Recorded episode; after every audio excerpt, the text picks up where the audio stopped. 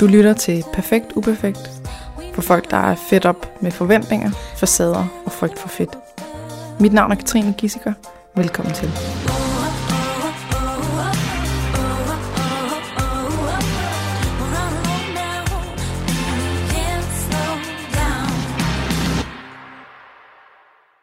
Velkommen i min podcast, Eva, som du i virkeligheden ikke hedder.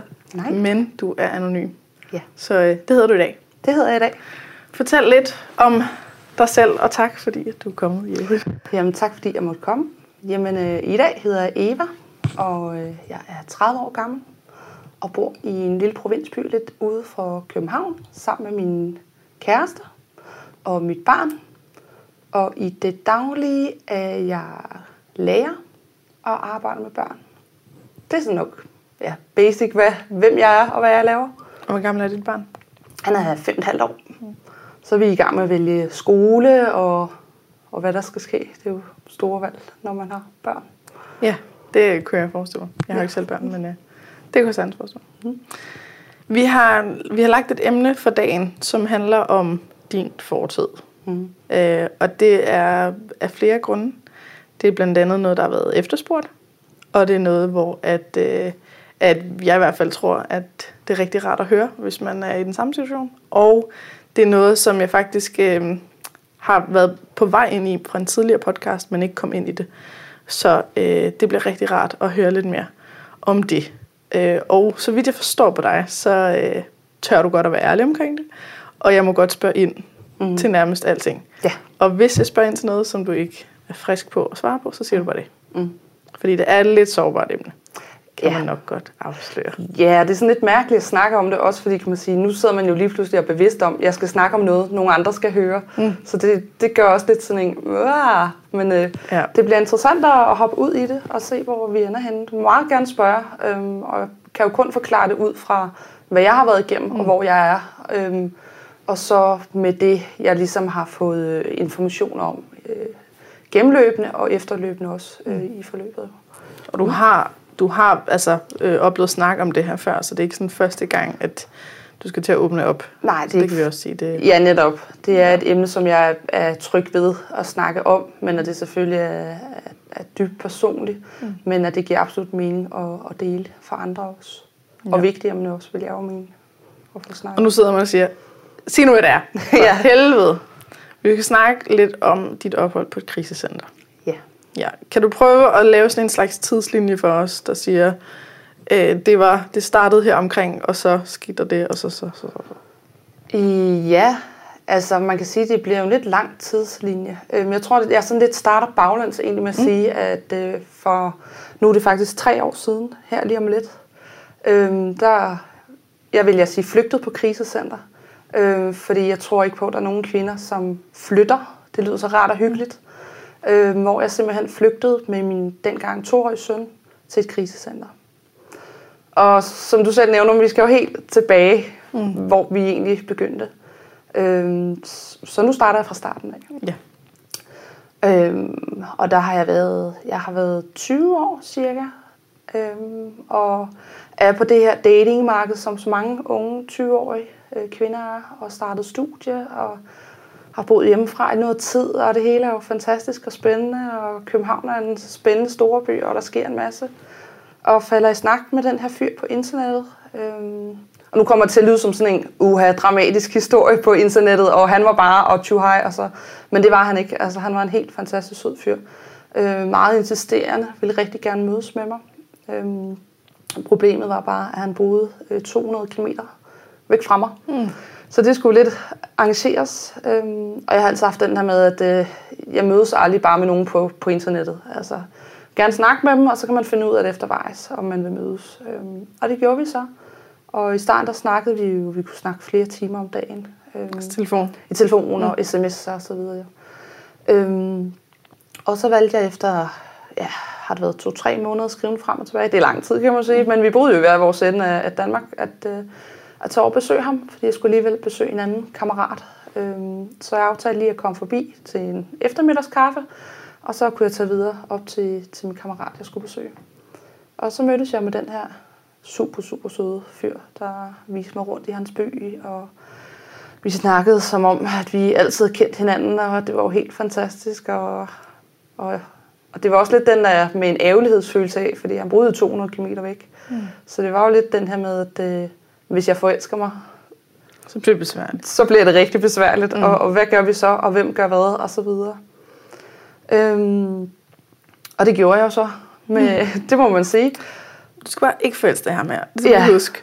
Yes. Hvad, hvad? Skal jeg forelske mig? Okay. Ja, nå, så gør jeg det. Ja, og, jamen, og han bor langt væk, så lad være med at gøre det. Ja. Ja. Nå, men så gør jeg det alligevel. Ja. altså, og det er jo sådan... Du skal jo ikke hellere have brugt sådan noget på, hvad hedder det, omvendt psykologi. Ja. Du kan bare forelske dig. Du det er så det. fint. Det bare go ahead. afstand, Åbn det hele. Se, hvor fantastisk det er. Ja, det, ja. Ja. det er bare lige en lille togtur på fire timer, det skal du ikke Du kan læse så mange bøger på ja, den tog. det, du, du studerer jo også, jo, så der har du tiden til, må man sige.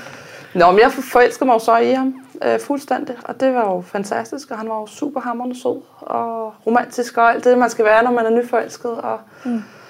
og vi besluttede os så for, efter fire måneder, øh, der fik han valget, inden så skulle han, øh, hvad hedder det, han skulle læse videre til en stor øh, stilling, øh, han skulle gå i gang med.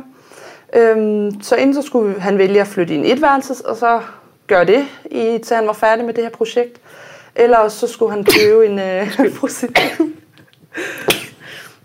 Jeg Og du nyser ligesom mig, det er godt. Ja, jeg har tre. Ja. Det, Sorry. Øhm, jamen så, hvad hedder det, valgte vi så at, at flytte sammen i en, øh, i en toværelses lejlighed. Øhm, og jeg valgte så at flytte over til ham. Mm. Så jeg rev jo hele mit, øh, mit, netværk op. Og generelt er jeg en meget udadvendt pige, øh, i og med at jeg laver enormt meget frivilligt arbejde. Jeg har lavet rigtig meget. Jeg har lavet teater, jeg har lavet performance, jeg har været ude og optræde for rigtig mange forskellige mennesker med nogle forskellige mærkelige ting. Øhm, så det der med at, at starte forfra, det var egentlig ikke øh, det, der bekymrede mig overhovedet. Mm. Øhm, og inden jeg overhovedet flyttede over, der havde jeg faktisk været et arbejde. Jeg fik tilbudt et arbejde med det samme øh, siden af mit studie, så det hele, det flaskede sig jo bare. Og, tænkte, Og fedt, du kunne studere nu- derovre så? Yes, eller der kunne, ja, der kunne bare flytte? flytte. flytte det hele med. Okay. Øhm, så det var jo dejligt nemt, og det var en af Danmarks øh, altså 10 store storbyer. Mm. Øhm, så det var også interessant, ligesom stadig at have lidt storby-føling, selvom jeg, ja, altså, jeg vil jo sige, at der kun er én storby, og så er der mm. noget andet ved siden af jo. Men der var jo stadig en, altså, en hyggelig større by øh, at være social i jo. Mm. Og når man har arbejde, jamen, så kommer man også hurtigt til at lære nye mennesker at kende, og så, så gik det egentlig meget godt. Mm. Og så kan jeg huske den første gang, han egentlig viste tegn for at være voldelig. Øhm, det havde jeg jo egentlig ikke tænkt, som, som skulle være et tegn. Det er noget, jeg først senere har... Det er sådan en har, efter- Ja, altså en efterreflektion, som man også øh, på krisecenter ligesom får påpeget, at det her, det er vold. Mm. Øhm, og det var, at vi havde været i byen, og, og i samme by øhm, var der en, jeg engang har været, været sammen med for mange år før jeg mødte øh, min kæreste der.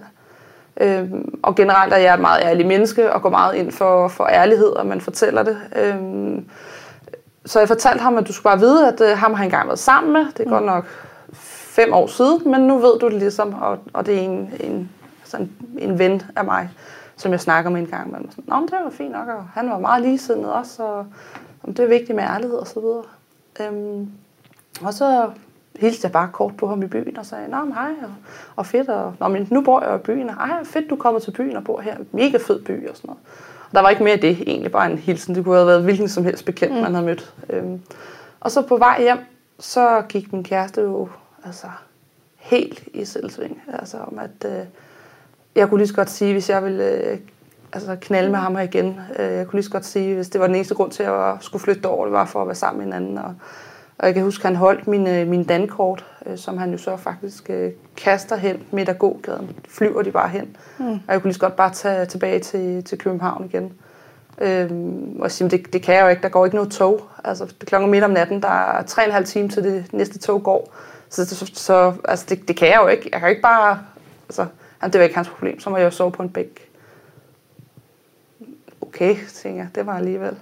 Så forsøger man jo med den desperation, man har. Nej, men ja, okay, det var også mig. Jeg undskyld. Og tjuha, og Jamen, der var jo ikke noget, jeg hilste jo bare på ham, og altså, alle dem, man sådan kender af historier, man hører udefra. Mm. Øhm, Det er dig, jeg vil have.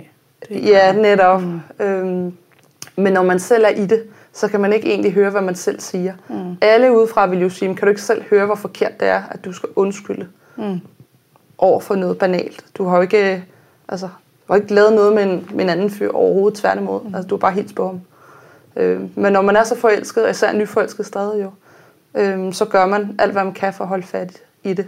Og, også og så fordi, har de jo også en evne til, altså fuldstændig. psykopater har en evne til at ja. få en til at tro, det er ens egen skyld. Ja, fordi jeg kunne bare lade være med at hilse på ham jo. Mm. Altså, så det var jo min ja. skyld, hvis bare jeg havde holdt op med at hilse på ham til at starte ja. med jo. Det er dig, der gør det ved ham, at han ja. bliver sur. Ja, og ja. det var også den historie, han var rigtig god til at fortælle. Ja. At øh, jeg kunne bare lade være. Og det kunne jeg jo. Mm. Altså, det var den, jeg sad med hele Så bliver man sådan, nej, han har jo ret. Ja. Jamen, det er jo rigtigt. Ja. Men jeg skulle jo bare have lavet være. Ja. Ja, det er meget, meget... Meget klassisk. Meget, ja, og øhm, bekymrende. Ja, det er det nemlig. Mm. Øhm, og man kan sige, men lige, jeg stod i den situation, at øh, vi skulle flytte sammen om ni dage jo. Og jeg havde jo egentlig pakket hele min lejlighed og sagt den op, og så videre jo. Så jeg synes jo ikke rigtigt, at jeg havde noget valg for at sige, ved du hvad, fuck dig, det her kommer aldrig til at ske. Øhm, de havde jo sagt, at vi skulle flytte sammen. Mm. Så det er jo også lidt det her pæn pige-kompleks. Ja. og sige, men det, det er jo så det, vi gør. Mm. Og så smiler vi pænt. Og så er alting jo godt. Man må aldrig gøre nogen sure. Nemlig. Man, må, man skal aldrig tage sig af sig selv, man skal altid tage sig af de andre. Netop. Ja, den tror jeg, der er nogle andre, der også kender. Ja. Altså, sådan faktisk det... alle nærmest. Ja. Ja, nå. Øhm, men jeg fik jo så allernøds lov til at komme hjem og sove øh, i lejligheden, jo, mm. fordi så god var han jo altså.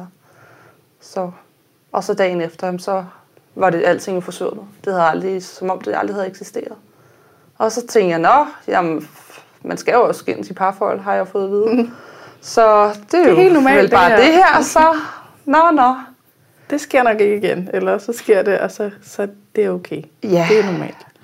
Øhm, man kan så sige, der hvor jeg fik det normaliseret, det er, at jeg kommer fra en, en familie, hvor jeg har en far, som i pressede situationer også kan reagere voldsomt. Øhm, han er desværre død i dag, men han kan reagere voldsomt. Øh, sådan et sted mellem ja, hver, hver til 6. måned kunne han få sådan et... Øh, han havde enormt meget angst, det har jeg først fundet ud som voksen. Mm. Men han kunne have sådan helt... Og, og, og, sådan udbrud. Ja, og ikke helt vide, hvor han skulle gøre sig selv, og det er også bare forkert det hele og sådan noget. Øhm, så mm. jeg er jo kommet op igennem et liv med at have en farfigur, som lige pludselig kan skifte temperament. Mm. Øhm, og jeg tror generelt, og det er jo det, der er fantastisk ved ja, 80-90 børnene, som vokser op, vi ligesom tager afstand fra, fra vores forældre. Mm. Så man kan sige, jeg har jo ligesom levet et liv med, det er sådan her en far er, og går ind i et parforhold og siger, men Nå, jamen, jeg kunne godt håndtere min far, mm. så jeg kan også godt håndtere en mand, som engang hver halve år bliver presset mm. og reagerer på en eller anden måde. Og kaster øhm, med mine ting. Og kaster med mine ting. Ja.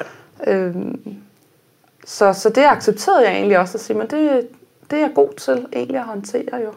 Mm. Øhm, for det har jeg også altid fået at vide, at jeg er god til at håndtere, når tingene er svære. Mm. Ting, så, så det gør jeg. Ja. Og så, jamen, så bliver en ting bare mere og mere derfra. Altså, så går det jo fra at være de her voldsomme udbrud hvad, hvad cirka halve år til at starte med, hvor han jo indkaster med mine ting, eller han river ting ned af hylderne, eller han simpelthen tager, river alt ud af mit tøjskab, eller smider mine ting ud, eller hiver hylder ned. Øhm, over banale ting, vil man jo sige. Som hvad, for eksempel? Jamen, jamen, det kunne være eksempelvis, hvis min telefon løbet tør for strøm, og han ikke kunne få fat på mig. Mm. Øhm, så havde han ikke ligesom kontrollen, eller ja, netop. vidste ikke, hvor du var? Eller? Ja, netop. Ja. Og man kan sige, det var ikke sådan en, en jeg bliver bekymret for dig, mm. øh, fordi jeg kan ikke få fat på dig. Det er nærmere den her desperation over, jeg ved ikke, hvor du er. Mm.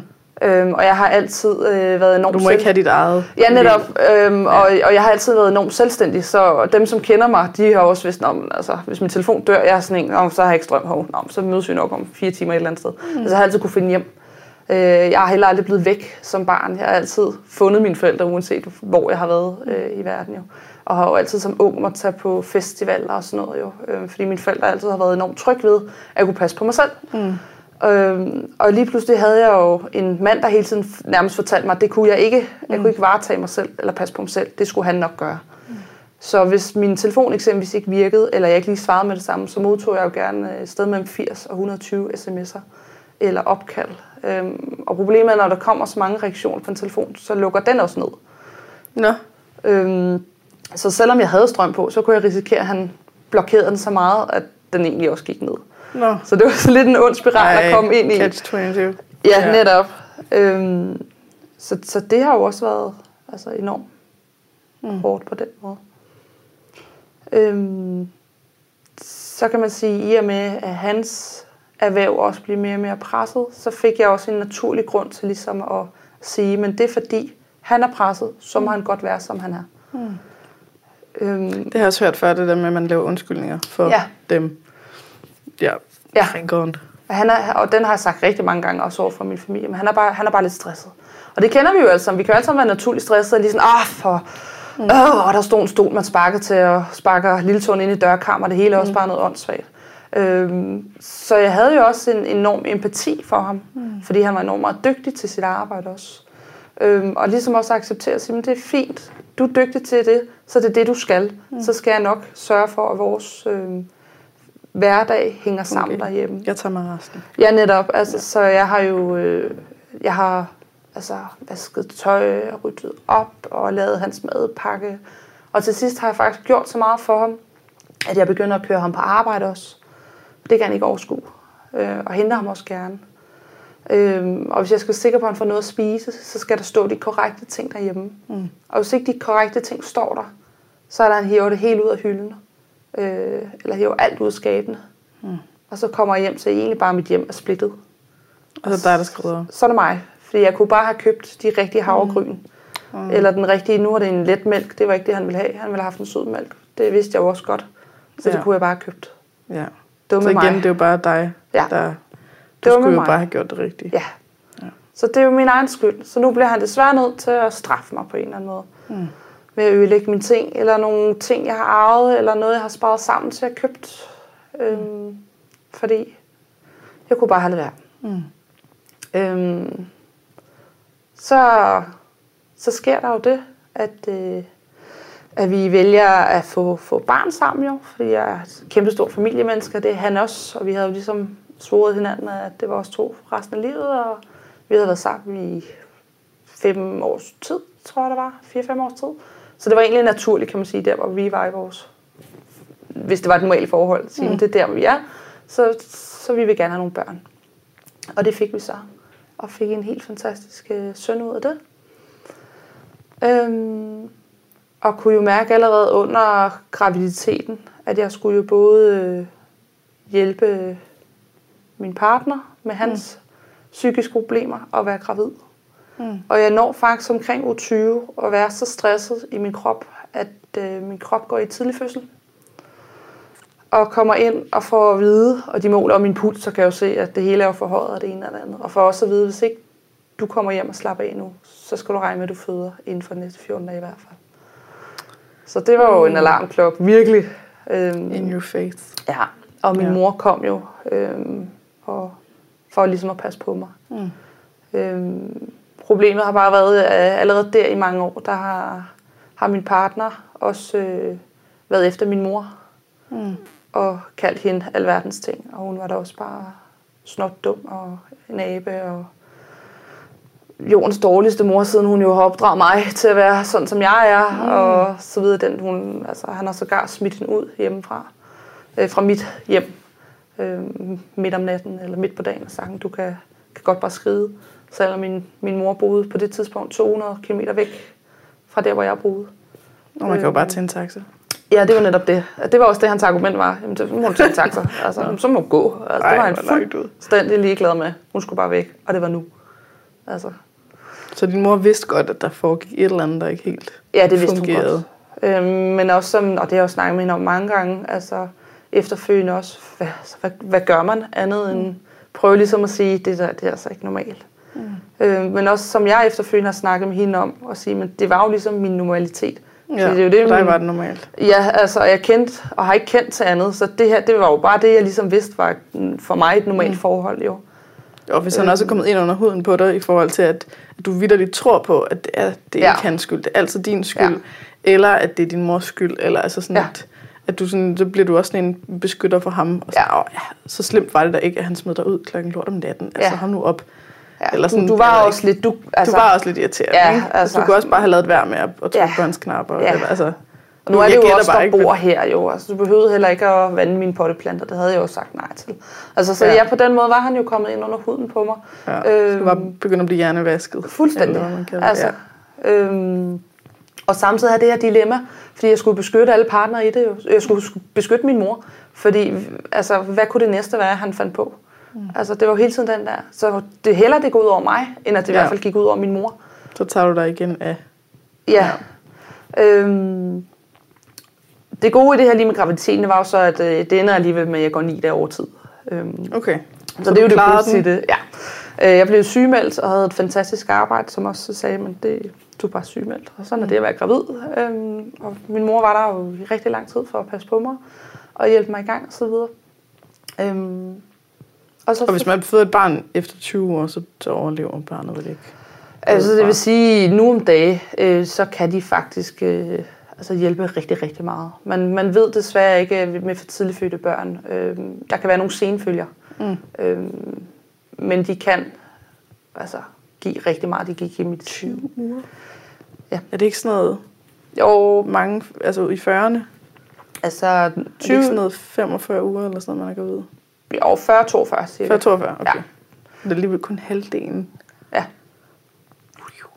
Det, altså, hvor, Der er, den, der er den meget lille jo. Jo, man kan sige, jeg, jeg var nået så alligevel helt til, hvad hedder det, hvor jeg var 30 uger henne cirka jo. Så Mm. mm. alligevel det er længere. Og man siger fra cirka altså 36 uge, der må de gerne komme. Helst vil man gerne have, at de kommer selvfølgelig 40 plus minus 14 dage. Ja, okay. Så.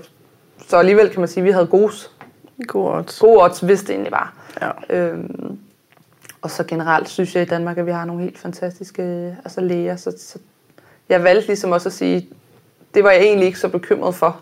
Fordi Mm. mine bekymringer var endnu større et andet sted. Ja. Øh, fordi det var også det der med, hvis nu er jeg født før tid, hvad fanden sker der så med min partner? Ah, Så, så det skal jeg ikke. Så klemmer man ballerne ekstra godt sammen her, og ja. Du bliver bare en anden, for det, det kan jeg ikke. Sammenbenene. Ja, altså det, Ja. ja. det kan jeg. Jeg kan ikke både have et for tidligt født barn og have en, en partner, som er kuk, kuk i hovedet. Altså. Og han kunne Øh. øh. næsten måske godt blive sur på dig over, at du havde valgt at føde for tidligt. Ja, ja, Eller et absolut. eller andet. Altså, jeg kunne bare lade være du med kunne jo stress. bare have lavet være. Du Altså, kunne bare have Jeg kunne bare ud. slappe lidt af, altså, så havde der jo ikke været noget der jo. Øhm, så det ved alle jo. Altså, jeg håber, det er okay at grine af det. Ja, jamen, jeg var- griner selv af det. Det gør man jo. langt ude, at- Jamen, det, det er det nemlig. Og man griner også lidt, hvad skal man sige, lidt trakomisk af det. Det gør jeg jo også selv i dag. Og jeg tror også, det er vigtigt på en eller anden måde ligesom at, at grine lidt af tingene. Fordi ellers så bliver det enormt sørmodigt at snakke om det. Mm. Øhm, og jeg har stået i nogle situationer, hvor jeg skulle fortælle det, og gjort det enormt detaljeret også, hvor jeg kan se partneren, hjemme, altså modpartneren, jeg snakker med, når man laver de her spejlinger, at de, de bliver enormt ramt og enormt mm. ked af det. Øhm, og når folk bliver ramt og ked af det på min vegne, så får de næsten endnu mere dårligt. Ja. Fordi så bliver det igen Det er din skyld, at de ja, er igen. kede af det. Så jeg kan meget bedre håndtere det, når folk griner lidt af det, Ja. fordi så ved jeg, okay, så kan vi grine af det sammen, Ja. ja. selvom det er alvorligt. Øhm, og det virker lidt bedre for mig egentlig. Øhm, For ellers så går jeg rundt igen og har ondt i maven og puha, ej, jeg skulle heller ikke have snakket om det, fordi jeg, ja. det er også bare mig, og alle de her altså pretty girl complex, der kommer frem, ikke også? Øhm, Mm. så, så jeg synes, det er enormt vigtigt at kunne grine af tingene, selvom det er alvorligt. Fordi jeg er ret sikker på, at der er slet ikke nogen tvivl om, der ved, altså, hvor alvorligt det egentlig er. Og især også, når man netop kommer på krisecenter. Mm. Øhm, men der kommer en fantastisk dreng ud af det her, mm. som er, er stor og sund og stærk. Og jeg vælger så, fordi på det tidspunkt er jeg så presset på alle fronter. Både at være højgravid og skulle være nybagt mor og færdiggøre studier og arbejde ved siden af samtidig og etablere et hjem med nyfødt. Mm. Og sige til hele min omgangskreds, I skal ikke komme og besøge os, øh, når jeg er født. Øh, for jeg din kæreste? Mere fordi, jeg, fordi, jeg du har brug for, at der bare ja. skulle ro på. Jeg kan bedre håndtere et nyfødt barn og, og min partner, som er kuk-kuk, mm. end også at skulle håndtere, at nu kommer alle forbi og smile, og, og jeg har ikke sovet, og jeg har født og kan ikke gå, og mm. altså, hvis jeg nyser, så tisser jeg ud over det hele. Mm. Altså, og der var en enorm stor forståelse for, for min familie, øhm, og også for min partners familie, fordi de kendte ham jo godt. Mm. Han havde jo flere gange gået mok over for dem. Øh, Nå. både hans egen forældre og, og søskende og min familie og så videre. Så de vidste jo godt ligesom, hvad det var. Og det var også noget med at smadre deres ting, eller... Ja, ja, det kunne være. Altså, Altså, det, ja, det var at råbe og skrige, eller øh, gå ud af en bil, mens den kørte, eller Okay. øh, altså, Hvor han selv kørte, eller hvor han var passager? hvis han var passager, og hvis det så ikke lige passede, øh, så kunne han godt, øh, selvfølgelig ikke på motorvejen, men hvis vi kørte, øh, så kunne han åbne, nu går jeg ud her. Så panik bremser man jo. Ja, Ja. Altså, den har han jo luret. Altså, og så kunne han ellers bare gå. Han kunne også finde på at bremse midt i det hele, og så bare gå ud af bilen og gå. Hvis det var ham, der kørte. Ja, ja. Og så, hvis man så prøvede ligesom at sige, altså, What the? men, ja, så løb han sin vej. Så kunne du gå ja, flere timer. Hvor at jeg ikke hørte noget, eller jeg netop fik så mange opkald eller sms'er om, Blokeret. ja, at det hele er blokeret. Mm. Øhm, eller at jeg simpelthen gik psykisk ned på det, fordi han jo netop fortalt, hvilket dårlig menneske jeg var. Mm. Øhm, så jeg valgte ligesom at sige, at jeg havde følt at sige, at jeg har ikke brug for, at der kommer nogen og ser. Jeg har brug for ro. Mm. Og det respekterede min familie jo også. Så fantastisk, ja.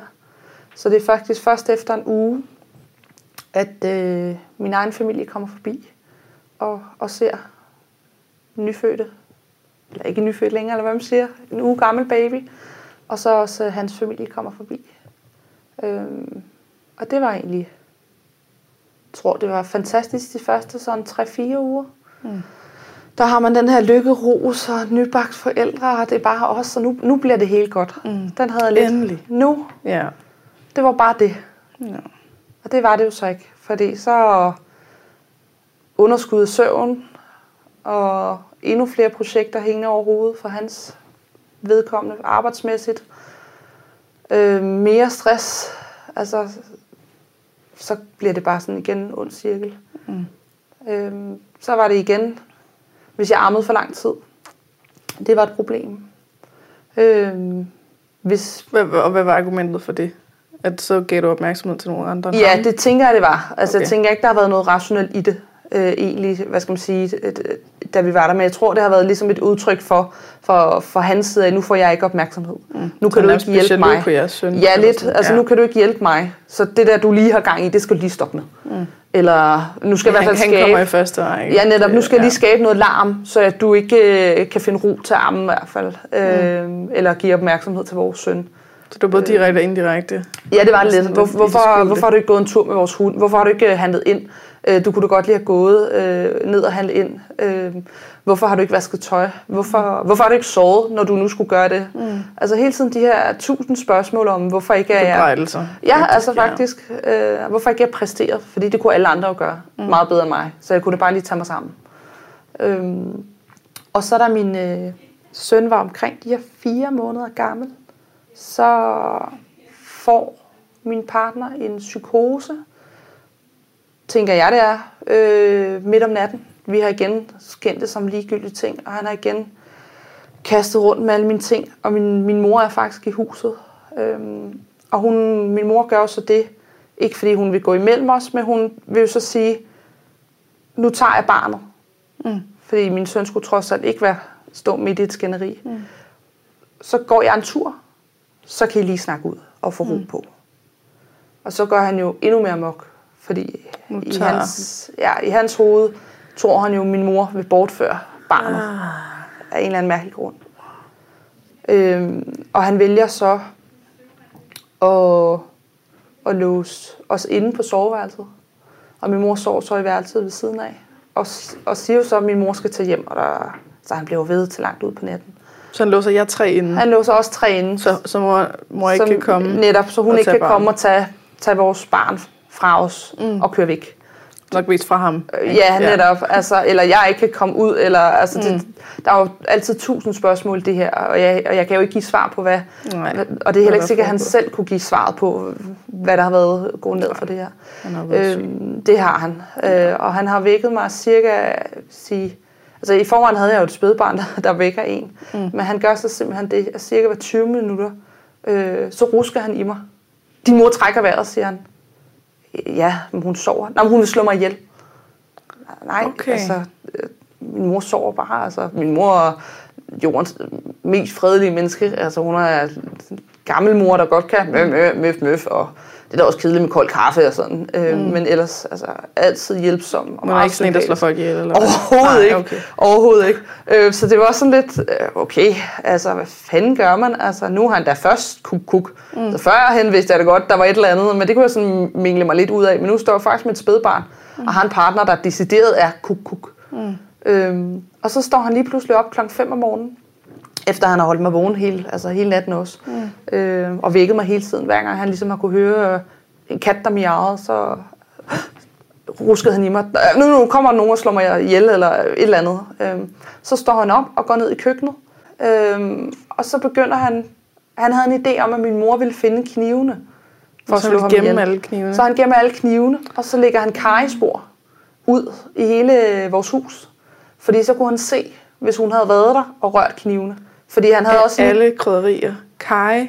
Yes. Det lugter jo så af kaj de næste 17 år. Ja, ja, men så kan man jo oh, se, Gud. hvis der er nogen, der har rørt ved det jo, fordi det kan jo ikke rigtig lige komme af huden. Så kan jeg jo spore, Katrine. Hvis du har rørt ved Kai, Nå. så har du jo forsøgt at få fat i kniven. Så har jeg... ja, netop. Kai-fingre. Yes. Han er jo ikke dum, jo. Nej, han er ikke dum. Ej, Det må man klog. sige. Ja. Så... Og det er Så jo han det. kajespor. Han lagde simpelthen Kajspor, fordi så var han jo sikker på, at hvis hun i hvert fald havde åbnet, og For at finde kniven. ja, så kunne han se det. Ja. Ja. Øhm, og jeg måtte jo sige til min mor, altså nærmest midt om natten, og, altså du bliver nødt til at, at køre hjem så snart du kan. Og hun kørte jo så klokken halv syv om morgenen jo. Øhm, og som, som hun også har sagt efterfølgende, altså der var, hun, der var hun faktisk bange for, om han ville slå mig ihjel. Altså, der var hun decideret bange for, om nu, nu gør han et eller andet. Altså, mm. han er helt, helt ude af hampen. Øhm, og jeg måtte jo også ringe til mine svigerforældre og sige, ja, altså, I bliver, og det har jeg jo gjort mange gange inden, da jeg siger, den er, altså nu er han, Nu er den helt galt. ja, kom lige, altså, if it ain't broken, but it is broken, then fix it. Øhm, så, så de kom jo også og, og prøvede jo at snakke med ham, og, og så har det lidt været den her med, så har han skiftet 180 igen. Så bliver han helt sød. Og Nu er der, nej, men og- det er, nej, altså, nu skal vi hygge os. Kom, nu skal vi lige, nu hygger vi os. Og så kan man sidde der og være helt tom og tænke, mm. jeg, ved, jeg ved ikke, hvad altså, kan jeg udtrække vejret? Mm. Fordi hvornår er det, den skifter tilbage igen? Ja. Så okay. man er bare angst hele tiden. Ja. Ja. Og har vi det ikke sjovt? Jo. jo. altså, man ved det ikke. Man ved det ikke. Og der mm. kom de sådan lige pludselig, i stedet for at være en gang hver halve år, så blev det jo til en gang hver fire måned. Så blev det en gang til hver måned. Så blev det en gang til nu, efter vi fik barn hver tredje uge, at han vendte 180 grader. Og pludselig ikke var sig selv. Eller Var helt sort i Eller blikket. sig selv, eller Eller, ja, det er jo sådan lidt, hvilken en af dem er det, han er, ikke også? Ja. Øhm, og han vendte lige pludselig igen 180 grader. Vi har haft, øh, det var hans bedste veninde, der havde været på besøg med hendes kæreste, som var super sød og enormt glad for børn. Og, ah, og han glædede sig bare selv til at få børn, og det hele var bare fedt. Og så vi havde grint, og jeg havde lavet god mad og det hele og sådan noget. Og så snart øh, de gik ud af døren, jeg så godt, hvor- hvordan han glodede på din røv. Øh, mm. hvad? Altså, ja, Det er den der jalousi, der kommer op igen. Ja, ja, altså, og jeg har sådan altid, jeg er enormt monogam, når jeg er i et parforhold. Altså, jeg kan virkelig ikke se andre. Jeg kan kun se min partner, at det er det mm. bedste øh, for mine øjne. Øhm, så, det, så det var også sådan helt mærkeligt for mig. Og, hvor sådan, at, og hvad så, hvis han har gloet på min store tykke røv? Altså, så lad ham da glo. Det betyder jo ikke, at jeg gør hverken til eller fra. Mm. Det, ah, men man vidste jo aldrig. Altså, det, og jeg kiggede sådan på ham for ligesom at sige, hvad, hvad laver du? Øhm, Øh, jeg tror også lige, jeg bliver nødt til at fortælle, fordi mange tror, når jeg fortæller, at, at min partner, du ved, er to meter høj og syv meter bred og kæmpe bodybuilder. Øh, og det er han ikke. Altså, han er cirka 1,83 høj og vejer 62 kilo cirka. Mm. Det er faktisk ret tynd. Han er faktisk rigtig, rigtig tynd. Mm. Øh, men man skal ikke... Øh, Som også- undervurdere øh, Nej, og det hvad er også- trusler og Ja. manipulation og hjernevask kan gøre. Ja, netop. Øhm, og det er også derfor, at jeg lidt har brug for at, at hvad skal man byde, byde ind i det her med at fortælle, hvordan han ser ud. Mm. Fordi der er mange, der, der tror, at sådan nogle her... Øhm, og nu bliver det en generalisering, kan man sige, fordi jeg kan jo kun tage det ud fra min egen oplevelse, at, at mænd, at, det, at voldelige mænd er kun sådan nogle store. Mm. Og det er de ikke. Det kan altså, faktisk også være omvendt nogle gange, ikke? Altså Ja. nogle af de der rigtig store brød, og de bare er...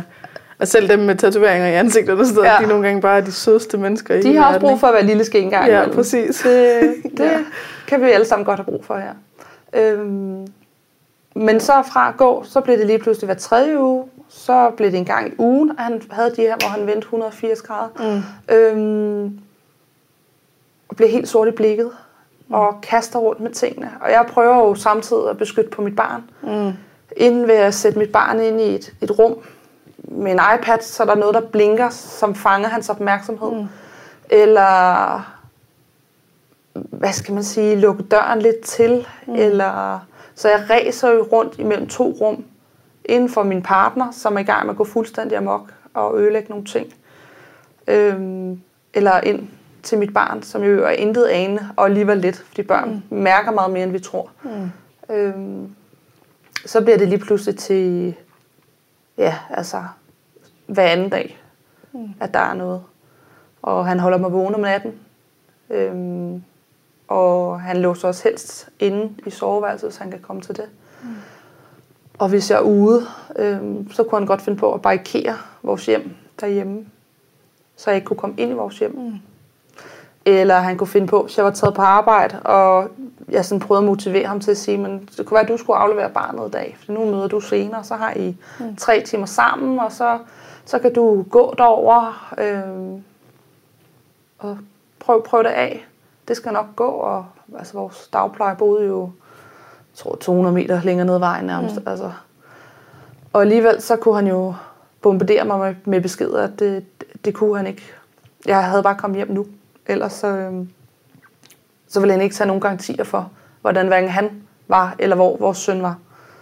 Og så må jeg jo selv Han begyndte nærmest at true med at gøre ting med Ja, altså, og, ja. der, og det er jo sådan lidt der, det er det, der kan gøre mig enormt vred, sådan øh, rent uh, samfundsmæssigt. Vi har ikke uh, nogen lovgivning rigtigt, der siger, at det må man ikke, så længe man ikke gør skade på nogen. Du må så nærmest gerne tro med hvad som helst, så længe man ikke gør skade. Mm. Øh, men problemet er, når du er så psykisk ødelagt, som jeg jo blev af det her, mm. så ved jeg jo ikke, han har jo lavet en mulig kuk ting, altså, øh, så jeg ved jo ikke, hvor er grænsen for, at han reelt set gør det. Mm.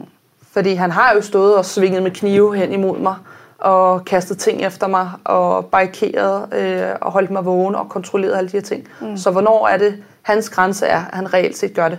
Ja, og hans grænser har rykket sig. Hele tiden, og mine grænser har jo også rykket sig ja, ja. Øh, i det her jo, kan man sige. Så jeg turde ikke gøre andet, end når han sagde, men så må du se, hvad konsekvensen er, mm. og så bare få reddet det her. Fordi den konsekvens kunne jeg simpelthen ikke leve med. Mm. Jeg kunne ikke leve med, at han enten slog sig selv ihjel, eller han slog min søn ihjel. Mm. Øhm, så jeg har jo stået nede på min chefs kontor og sagt, øh, der er min søn kastet op ud over det hele.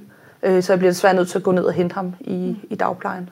Øh, og det er jo en reel øh, grund, kan man sige, når man har små børn. Det er jo meget naturligt. Øh, du vil lige at sige, at øh, min, min kæreste tror med, med at slå mit barn ihjel, Nej, så jeg smutter lige fra for, arbejde. Fordi det, det kunne jeg jo ikke jo, fordi mm. jeg, jeg havde enormt meget empati over for min partner også jo. Fordi han havde jo brug for hjælp, og jeg, jeg var jo den, der kunne hjælpe ham. Mm. Øh, fordi den føling gav han mig jo hele tiden. Mm. At hvis bare jeg løste dem, så blev, så blev han jo god igen. Så blev så det hele jo godt igen. helten, ja. ja. som tog dig af ham. Ja, og det var også, det skal man sige, at hans familie jo hele tiden roste mig med og sige, men hvor var det godt, at du kom. Fordi så, altså, så blev det hele jo bare godt, godt efter. Godt, at han har dig. Ja, altså det var jo lidt wow. det. Og hver gang der var et problem, så var det jo også, ah, det er jo godt, godt, at han har dig, fordi mm. så du, du kan jo ind få ro på ham jo. Ja. Du tak. kan trænge igennem, du kan hjælpe ham. Ja, altså det var jo lidt det. Så er der også lige, lige ansvar fra andre også. Ja, og, og også især når man, selv, ja, og så også når man får børn sammen, så er der jo det der med, jamen I er jo en familie. Ja. Så make it work. Altså, ja. det, altså dit barn skal jo også have en far. Andet er jo ja. synd. Det, altså, det fik jeg mange gange at vide, at mm hvor man bliver sådan lidt efterhånden. Hmm. Det er fuldstændig ligegyldigt, hvordan faren er. Bare han er der. Der skal være en far. Om han så øh, behandler barnet helvedes til at ja, ja. og sådan noget. Men det er lige meget. Bare han ligesom er ja, der. Så, så, så har man far. en far. Og så ved man jo godt, så kommer der gode børn ud sidste ende jo. Altså gode, fornuftige, sunde børn. Åh, det er langt ud. Ja. Ja. Øhm, så, så var det ligesom udslagsgivende, eller var det sådan mm, den sidste dråbe? Nej, det var det mærkeligt nok ikke. Okay. Det er jo det. Altså, altså de, de fleste, det er jo lidt den der, hvornår er nok nok. Øhm, og det, det ved man jo egentlig ikke rigtigt. Øhm, vi tager så som lykkelig familie afsted på ferie til noget badeferie sammen, mm. og har mine svigerforældre med. Og dernede så får han simpelthen et, øh, et meget voldsomt angstanfald. Mm. Øhm, jeg kan egentlig ikke rigtig, jeg tror ikke, der var nogen grund for hvad. Han ville bare hjem, og det var nu. Mm. Øhm, og han har tidligere på en anden ferie, ikke med mig, men tidligere taget hjem fra et andet sted i verden, hvor han bare, det vil jeg ikke være en del af det her, og så har han taget hjem. Han købt et billet, og så har han bare stukket af fra det hele, fordi mm. der er fandme ikke nogen, der skal bestemme noget over mig. Så gør jeg, som det passer mig. Mm. Øhm, så jeg ringede jo til midt om natten, da han, havde, da han var helt igen, altså psykotisk, og talte jo fuldstændig i vildelse, og som om han havde set alle mulige ting, som ikke havde, havde været der i situationen. Om du sagde også, det har jeg aldrig sagt. Jamen, så min far gjorde også, det har aldrig sket, den her situation, mm. så jeg ved ikke helt, hvad, altså, hvad det han er. hallucineret? Hal- Jamen, det er det, jeg ikke helt ved, men jo, men fra det perspektiv, jeg står i jo, så giver den genkendelse, han har af situationen, jo slet ikke den samme mm. genkendelse, som jeg har jo. Øhm, og den opfattelse er der jo ingen rundt omkring ham, som egentlig har. Mm. Så, så der er jo et eller andet, han, han ser eller gør i det her jo. Øhm, men jeg vælger så på det tidspunkt, fordi jeg tænker, at det her, altså, han skal, han skal have noget hjælp. Mm. Altså det er sådan, ikke at jeg skal, men han skal have noget hjælp, og nu kan jeg ikke noget det her mere. Ja. ja. Så jeg ringer jo til, øh, der er sådan en, via rejseforsikringer, der er jo en, en, en psykiatrisk linje, du kan ringe til 24 timer i døgnet. Og få fat på øh, en over øh, psykiater, læge inde på Rigshospitalet, som jeg snakker med og fortæller om, hvad der ligesom er sket, og hvad der har været førhen og så videre. Øhm, og han siger jo også, øh, han kan jo ikke fikse det, som han siger, jeg er jo flere tusind kilometer væk, mm. men din partner skal have noget hjælp, siger han. Og det er ikke noget, du skal stå med, for det kan du ikke. Mm. Altså, øhm, så det der med lige pludselig at have fået en erkendelse i, at der er sgu et eller andet galt her, som han skal have hjælp til, og det er ikke noget, du og kan det fikse. Ikke nej. Ja. Øh, det gav mig lige pludselig en anden ro. Det var ikke med roen med at sige, men så skal jeg ikke være sammen med min partner. For den havde jeg hele tiden, at det skulle vi. Vi skulle bare fikse det her sammen. Mm. Så det var ikke der, hvor jeg tænkte, nu skal jeg væk. Men, øh, men så kunne du lægge noget ansvar fra dig? Ja, på en eller anden måde. Og ligesom have en løsning sige, godt, når vi kommer hjem, så er det her det næste skridt. Jeg skal bare lige overleve de næste fire dage hernede. Mm. Og smile og se meget pæn ud. Og så skal det hele nok blive godt igen. Mm. Øh, på det tidspunkt er han pludselig blevet norm. Han mener, at det er hans fars skyld, at han er så vred. Øhm, og det er derfor. Øhm, øh, der har egentlig bare været sådan en almindelig, altså du ved, familiemisforståelse med, at jeg gider ikke det der, jeg gider ikke det der nå, så lad os gøre noget andet. Og fordi hans far ikke havde lyst til det, øh, min partner havde lyst til, så var han jo også bare altså, dum. Man kan sammenligne det lidt med at skændes med en, altså, en seksårig, mm. der gerne vil have slik til aftensmad, og far og mor siger, det skal du ikke. Mm. Øhm, og jeg vælger så den nat, hvor han har holdt mig vågen igen, og jeg har snakket med psykiateren der, jeg skriver til mine svigerforældre, venter faktisk og kigger på mit ur hele tiden, og håber på, at nu bliver klokken snart syv om morgenen, så jeg kan skrive til dem og sige, at jeg har brug for jeres hjælp. Mm. Fordi jeg synes ikke, at jeg kunne tillade mig at vække mig om natten og sige, at den er helt gal. Øhm, og de, de svarer så med, med det samme, og siger, men, øh, så, så lad os gå ned og spise morgenmad, så kan du give ham lidt ro, så kan du komme lidt væk fra situationen. Mm. Så jeg går med mine svigerforældre og mit barn ned og spiser morgenmad på hotellet, og får lige pludselig et opkald fra min partner, øhm, om hvor hans pas er, fordi nu rejser han. Øhm, og jeg har faktisk på det tidspunkt, fordi jeg godt vidste, at han ville rejse, og det ville jeg ikke give ham tilladelse til, øh, fordi jeg ikke vidste, hvad han kunne finde på at gøre ved sig selv. Så havde jeg låst passet ind i øh, de der, du ved, bankboks, der er på hotellet. Fordi så vidste jeg i hvert fald, så havde han ikke den mulighed. Øh, så kunne jeg bedre søge, søge om hjælp, hvis det var det, han havde brug for.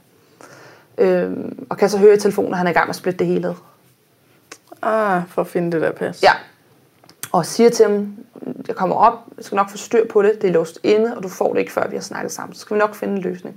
Og han vil jo bare have det med det samme. Og så siger han så også, du, du skal ikke tage mine forældre med op, fordi så ved jeg ikke, hvad jeg kan finde på at gøre. Og, øhm, og siger jo så også til mine svigerforældre, vi vil være og passe på mit barn, fordi nu går jeg lige op og ordner det her, og I skal ikke gå med, fordi han siger, at han ikke ved, hvad han vil gøre, hvis I går med.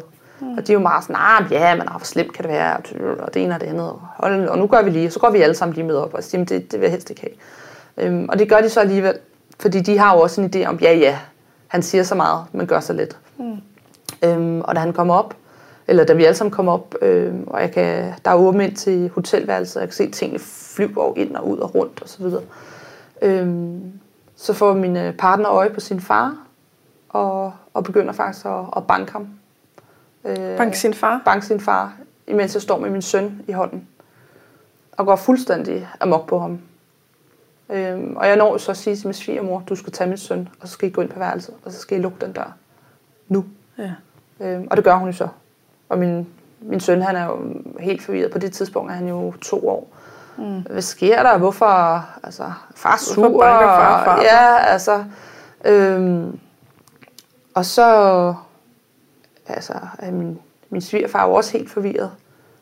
Øhm, og så går min, min partner går så ind på, på værelset igen, og begynder igen at splitte tingene ad. Altså hiver møbler ned, øh, tøj ud af skabene, øh, sengetøj kastes rundt med. Alt, hvad der sådan er løsere og genstande kan, kan kastes med, dem, dem prøver han at få fat i.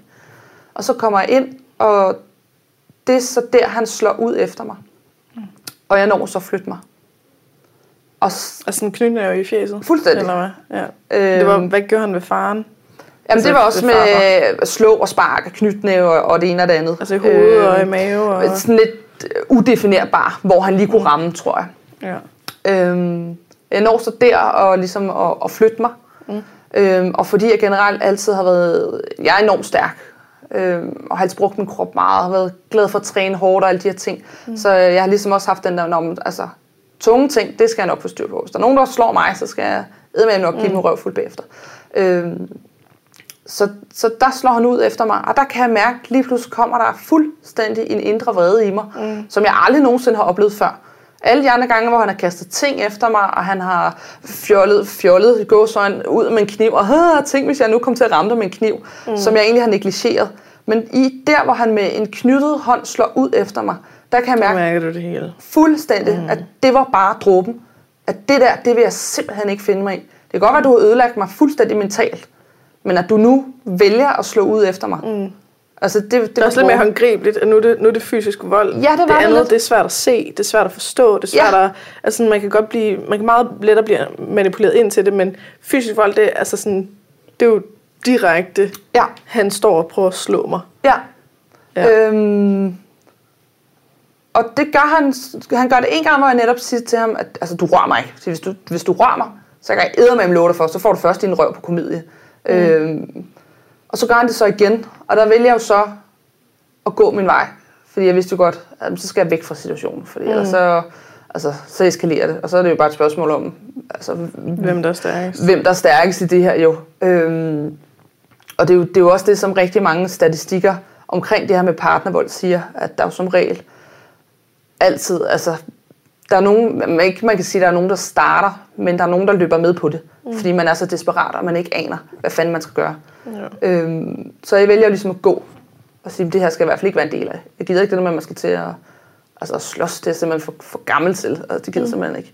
Øhm, så jeg går ind til mine svigerforældre og helt øh, mærker den her tomhed og tænker, hvordan fanden i helvede endte jeg her mm. i mit liv? Sådan du vågnede op-agtigt. Ja, på en eller anden måde. Altså, jeg er 27 år mm. og har et barn. Hvordan fanden kan man i en alder af 27? Øh, jeg er veluddannet, veletableret i mit liv, har en god økonomi. Øh, vi er de, nogle af de bedst uddannede. Altså alle de her, hvis man skal sætte det op på en pedestal og tænke, det her det er bare uh, lykken mm, og Så gammel. er man sikret. Så er man sikret i hvert fald ikke, at at man får tæsk eller ender nogen som helst steder. Øhm, og igen, det, det er min egen fordom, jeg lidt taler om her, kan man sige også. Altså, det er jo altid dårligt socialt udsatte, der får vold. Altså, der, sådan, Er din fordom, ja. Ja, det er min fordom især. Altså, ja. øhm, og den er jo i det her jo også blevet vendt fuldstændig om, kan man sige. Øhm, Nå, men vi, vi kommer så hjem til Danmark, og jeg får så fat i egen læge, som jo så også kommer op, og vi snakker. Jeg har min partner med derop, altså, hvor vi også siger, du, du skal have noget behandling for det her. Altså, for det er ikke bare normalt. Øhm, og vi Men, får, men altså, hvordan gik turen hjem? Altså, det er Jamen, det er ligesom igen gået det- fra, at han har stået og faktisk var ved at slå dig. Du er gået ind i et andet rum. Altså sådan en, du ved, gav du ham passet, øh, tog I sammen, øh, Jamen, var han pludselig, alt var fint? Øh, Jamen, det- ja, det blev ved sådan af lidt- hinanden i flyet Ja. og spiste øh, hyggelig flymad? Yes, og hvor har vi det godt alle sammen, ja. Jamen, det blev det lidt, fordi igen den her 180 graders vending. Ja, okay. Fordi at, øh, så kunne jeg trække mig fra situationen, han kunne få ro på.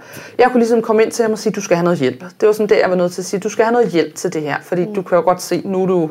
Altså, der kunne han også bedre ligesom se det. Selvom han forsøger hele tiden at retfærdiggøre, hvorfor. Mm. Så kunne han ligesom godt se, okay, når jeg er i gang med at tæske alle dem, der er omkring mig, så er der sgu da eller andet galt. Det blev lidt mere tydeligt for ham der. Ja.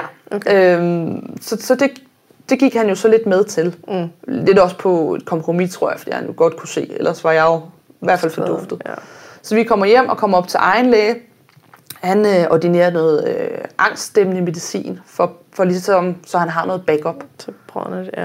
Øh, at det, som han siger, det er ikke noget, der kan fjerne det, men det er noget, der kan gøre, imens du er, bliver sat i gang med mm. det her behandlingspsykologisk forløb, jamen så kan det tage det, når du kan mærke, okay, nu kommer de her angstanfald, mm. eller de her vredesudbrud, eller et eller andet. Så tag lige dem her, så får det en Eller dæmper. paranoia. Ja. Ja, eller netop hvad det var. Det var det, vi skulle til at finde ud af. Og få sovet ordentligt øh, og få ro på.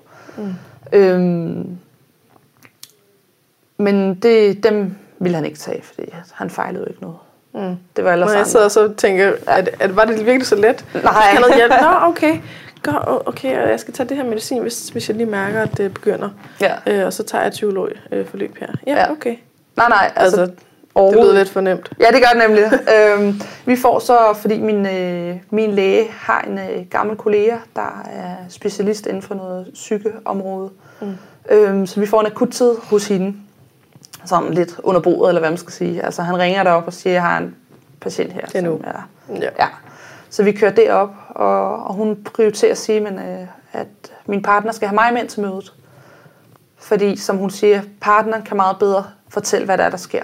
Mm. Fordi når man er så syg, så kan man sjældent se, det. nej. Nej, så jeg fortæller jo om det, og fortæller også, hvor bange jeg er faktisk for ham på det tidspunkt. Jeg er rigtig, rigtig bange for, altså, hvornår slår han mig ihjel. Mm. Det er faktisk den, jeg ligesom kører med stille og roligt. Bare han ikke slår mig ihjel. Mm. Og især den her, bare han ikke slår min søn ihjel. Ja. Altså, den er begyndt at komme. Og det er jo frygteligt at sidde i, i et parforhold og have den her mavefornemmelse hele tiden for, hvornår. Ikke en vis, men nærmere, hvornår går det galt. Mm. Øhm, og hun Men det siger er jo fordi, så også, grænsen er blevet skubbet og skubbet og Ja. Og hvor det nu er ude i sådan... Nå, så længe han ikke slår mig ihjel, så er det okay. ja, netop. Sådan- Ja. ja.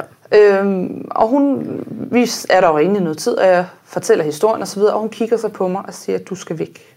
Altså, du skal væk, og så skal vi nok få noget hjælp til din partner her, men du skal væk nu. Mm. Øhm, og det gør jeg stadig ikke, fordi man forlader jo ikke bare sin partner på den måde.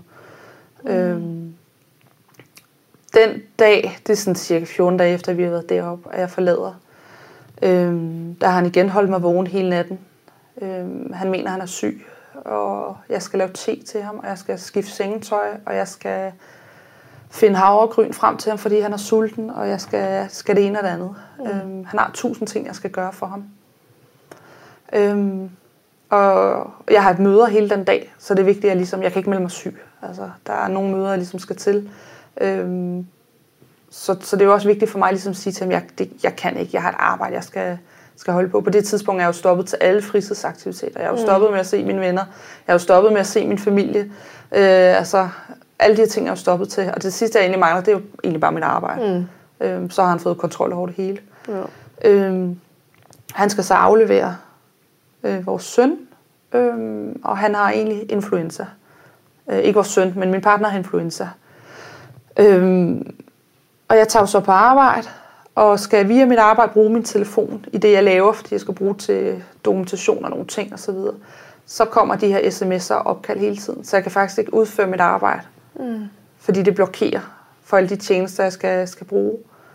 Øhm, og kan mærke, at jeg får det bare rigtig, rigtig dårligt. For ondt i maven, og for hjertebanken, og for øh, åndedrætsnød. Mm. Øhm, og smiler, fordi jeg står jo over for nogle andre.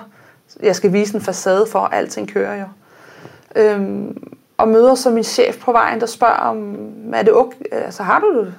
Ja, ja, siger jeg jo så bare, og går videre igen. Og kan bare mærke, at jeg får det dårligere og dårligere. Og, må så, og modtager de her beskeder om, at øh, han ved ikke helt, om han, han vil aflevere min søn, eller hvad han gør af ham, eller hvor han gør af ham. Så jeg har jo hele tiden den her, okay, er det nu, han gør min søn fortræd? Er det nu, han gør sig selv fortræd, og så bare lade min søn være derhjemme? Eller hvad er det, der sker? Og jeg går så ind til, til min chef og siger, at jeg bliver nødt til at tage hjem og fikse det her. Jeg skal nok komme tilbage til alle de møder, vi har senere, men jeg skal lige fikse det her. Øhm, og så kigger hun jo på mig og siger hun, ved du overhovedet, hvad det her er? Jeg siger, men altså, det er jo almindelige parforholdsproblemer. Jeg skal bare lige løse det, og så kan det være, at vi bliver skilt, og så må jeg tage det med. Det er der jo så mange, der bliver. Øhm, og så kigger hun jo, eller hun holder, holder mig også i hånden og kigger på mig, Øh, ikke sådan bearbejdende, men enormt empatisk og siger, det du bliver udsat for, det er vold. Mm. Øh, hun arbejder selv også på et krisecenter ved siden af, og arbejder med kvinder, øh, som er blevet udsat for vold. Og lige der, der bryder hele min verden sammen. Fordi jeg vidste jo godt, ubevidst mm. vidste jeg jo Du godt. vil ikke erkende det. Ja, Ja. hvor jeg siger, "Men det kan jo ikke passe, at sådan en som mig altså, bliver udsat for det her. Hvor hun jo siger, siger "Men det sker jo for alle jo. I hele samfundslag. Der er jo ikke nogen, som er mindre skånet end andre. Tværtimod, faktisk. Der er nogen... Mere skånet end andre. Ja, ja netop. ja. øhm, og hvor jeg siger, jeg, jeg aner slet ikke, hvad jeg skal gøre. Øhm, hvor, at, øh, hvor hun siger, vi, nu prøver vi lige at blive her, og så prøver vi lige, prøv lige at ringe ned til din egen læge først. Mm. Det gør jeg jo så, og han siger, at vi skal have ham indlagt på psykiatrisk afdeling. Mm. Øhm, og siger, det, altså, det kan jeg jo ikke. Jeg kan ikke. Hvor, hvor min læge siger, du bliver nødt til at lave en anmeldelse, så vi kan køre ud med politiet og indlægge ham på psykiatrisk afdeling. Øhm, fordi han var simpelthen så bekymret for, hvad fanden er det, der sker nu. Altså. Øhm, og det siger jeg nej til. Og det er jo sådan, man gør ikke noget, hvis der er en partner, der siger nej. Mm. Øhm, så, så jeg aftalte med min læge, at øh, vi får lavet en åben journal til min partner op på psykiatrisk afdeling. Og så er min opgave i det ligesom at, at prøve at få nogle andre udefra til hjælp med at få ham ind på psykiatrisk afdeling. Øhm, og aftaler så også med, at jeg skal hente min søn over i dagplejen for at være sikker på, at, øh, at min partner ikke kommer over og henter min søn. Og øhm, vælger så at ringe, også i aftale med lægen, ringe til, til mine svigerforældre, for ligesom at, at snakke med dem om og sige, hvad, hvad er det, vi skal gøre. Og vi aftaler så, at øh, når jeg henter min søn, og så kører jeg op til dem i deres hus, for at få ro på, for at komme væk, og for ikke at lige pludselig stå i en situation, hvor han netop måske gør mig fysisk skade. Mm. Øhm, og det gør jeg jo så. Og så er aftalen jo så op hos mine svigerforældre, at de skal køre ned og overtale ham til at tage på psykiatrisk afdeling. Øhm, øhm, og så kører min svigerforældre ned, og så ringer min, øh, min, min svigermor ringer jo så lige pludselig og siger, øhm, men det vil han ikke. Det er ikke et spørgsmål om vil, altså det skal han. Han skal på psykiatrisk afdeling lige nu. Jamen vi kan jo ikke tvinge ham, hvis ikke han har lyst, og det måtte jeg da forstå. Mm. Og så ringer hun lidt efter, og er sådan helt rolig i sin stemme. Du kan bare komme hjem nu. Og der bliver jeg sådan lidt, hjem, siger du. Ja, du kan bare komme hjem nu. Øh, alting er godt igen. Mm. Og der havde jeg bare den her mavefornemmelse om, det her skal jeg ikke. Jeg skal ikke hjem nu. Så, og min partner ville jo rigtig gerne have, at jeg boede op hos hans forældre, fordi så vidste han, hvor jeg var. Mm. Det er igen den her kontrolting. Og det var ikke noget med, at jeg skulle hjem, og altså, mine svigerforældre boede cirka 35 minutter væk fra os. Så kunne han flytte op til dem, og så kunne man blive skilt eller et eller andet. Jeg skulle bo hos dem, fordi så vidste han, hvor jeg var. Øhm, samme dag, der er det også min nervøs fødselsdag, og jeg ringer ikke til min søster. Det plejer jeg altid. Jeg er meget, meget tæt med min store søster. Øhm, jeg ringer ikke og siger tillykke, og skriver heller ikke sms, fordi jeg er simpelthen så presset, at jeg kan ikke rumme noget andet udefra. Og hun har været der i mange situationer, hvor hun godt ved, at når jeg er stille, mm. så er det et dårligt signal. Mm. Så hun, hun skriver jo, hvad, hvad så? Øh, så siger hun, det, det, er, det er bare galt i dag. Og så ringer hun til mig og siger hun, hvad, hvad nu? Øhm, og fortæller sådan om, at vi skal bare lige have styr på tingene, og skal bare lige, vi skal bare have styr på tingene, og så bliver alting godt i morgen. Mm. For det plejede det jo at blive. Mm. Eller i hvert fald de næste par timer. Og så siger hun, du, du skal ikke, altså, det er nok nu, siger hun. Altså, du, du skal ikke hjem. Jamen, det, det skal jeg jo. Altså, jeg har en hund derhjemme, der skal fodre, så gå tur med. Jeg skal vaske noget tøj, ellers har jeg ikke noget tøj. Jeg stod vidderligt og havde ingenting med i hånden, andet end pusletask. Altså, hvor hun også siger, du, det, du skal ikke hjem. Og jeg er ret heldig, at min, øh, min kusine, hun er leder inden for et øh, psykiatriområde her i Danmark. Så min søster, hun siger, jeg ringer lige til, til vores kusine og snakker med hende. Og jeg siger, det skal du ikke. For jeg ved godt, hvad min kusine vil sige. Altså, hun vil jo ringe og sige, du kom væk nu. Mm. Altså, øhm, og jeg kunne bare ikke overskue, ligesom, hvad skal man sige, at indse, at nu er det så galt, du ikke kan fikse det længere. Mm.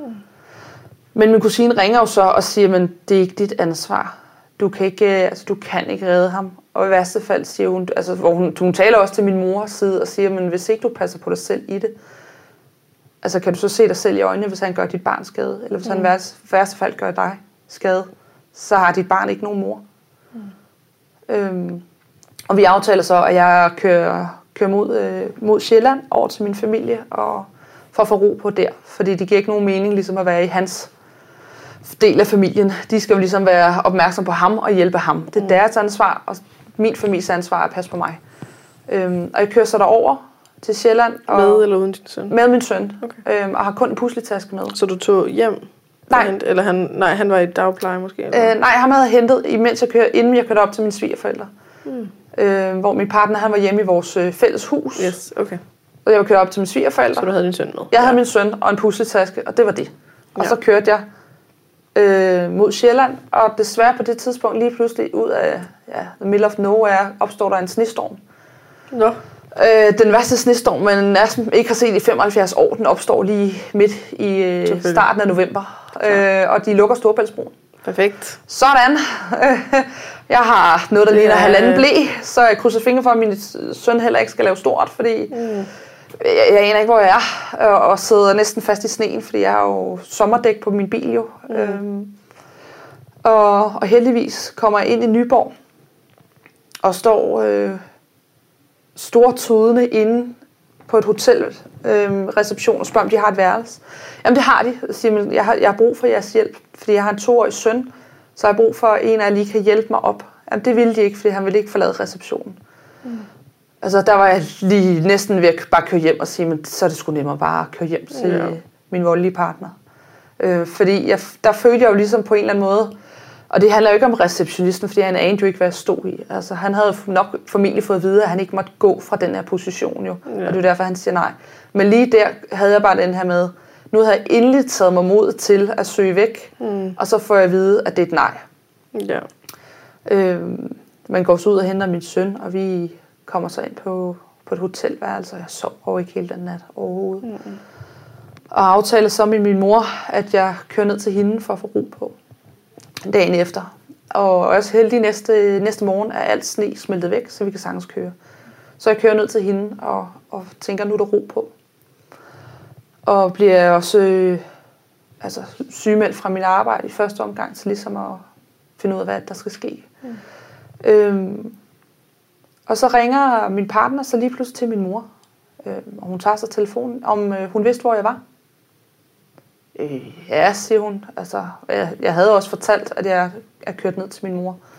Øh, det vidste min svigerforældre også, og det, det vidste min partner også, at jeg var kørt derned. Øh, nå, jamen han synes, jeg havde været lidt mærkelig de sidste par dage. Og så var jeg bare kørt hjemmefra. Og jeg havde vist heller ikke rigtig været på arbejde, så han ville egentlig gerne lige høre, om, øh, om hun vidste, om jeg var okay. Hvor min mor også bare siger til ham, vi to, vi har ikke noget som helst at skulle snakke om. Og så lagde hun på. Altså, hvor hun, hun var helt forundret over, at han så roligt kunne ringe. Og Og Nej, han har ikke anet, hvad der foregik. Jamen, han, han, Eller vidste, han vidste godt. Han vidste godt, at øh, altså, jeg var kørt fra, fra, fra mine svigerforældre og så videre. Han vidste det hele.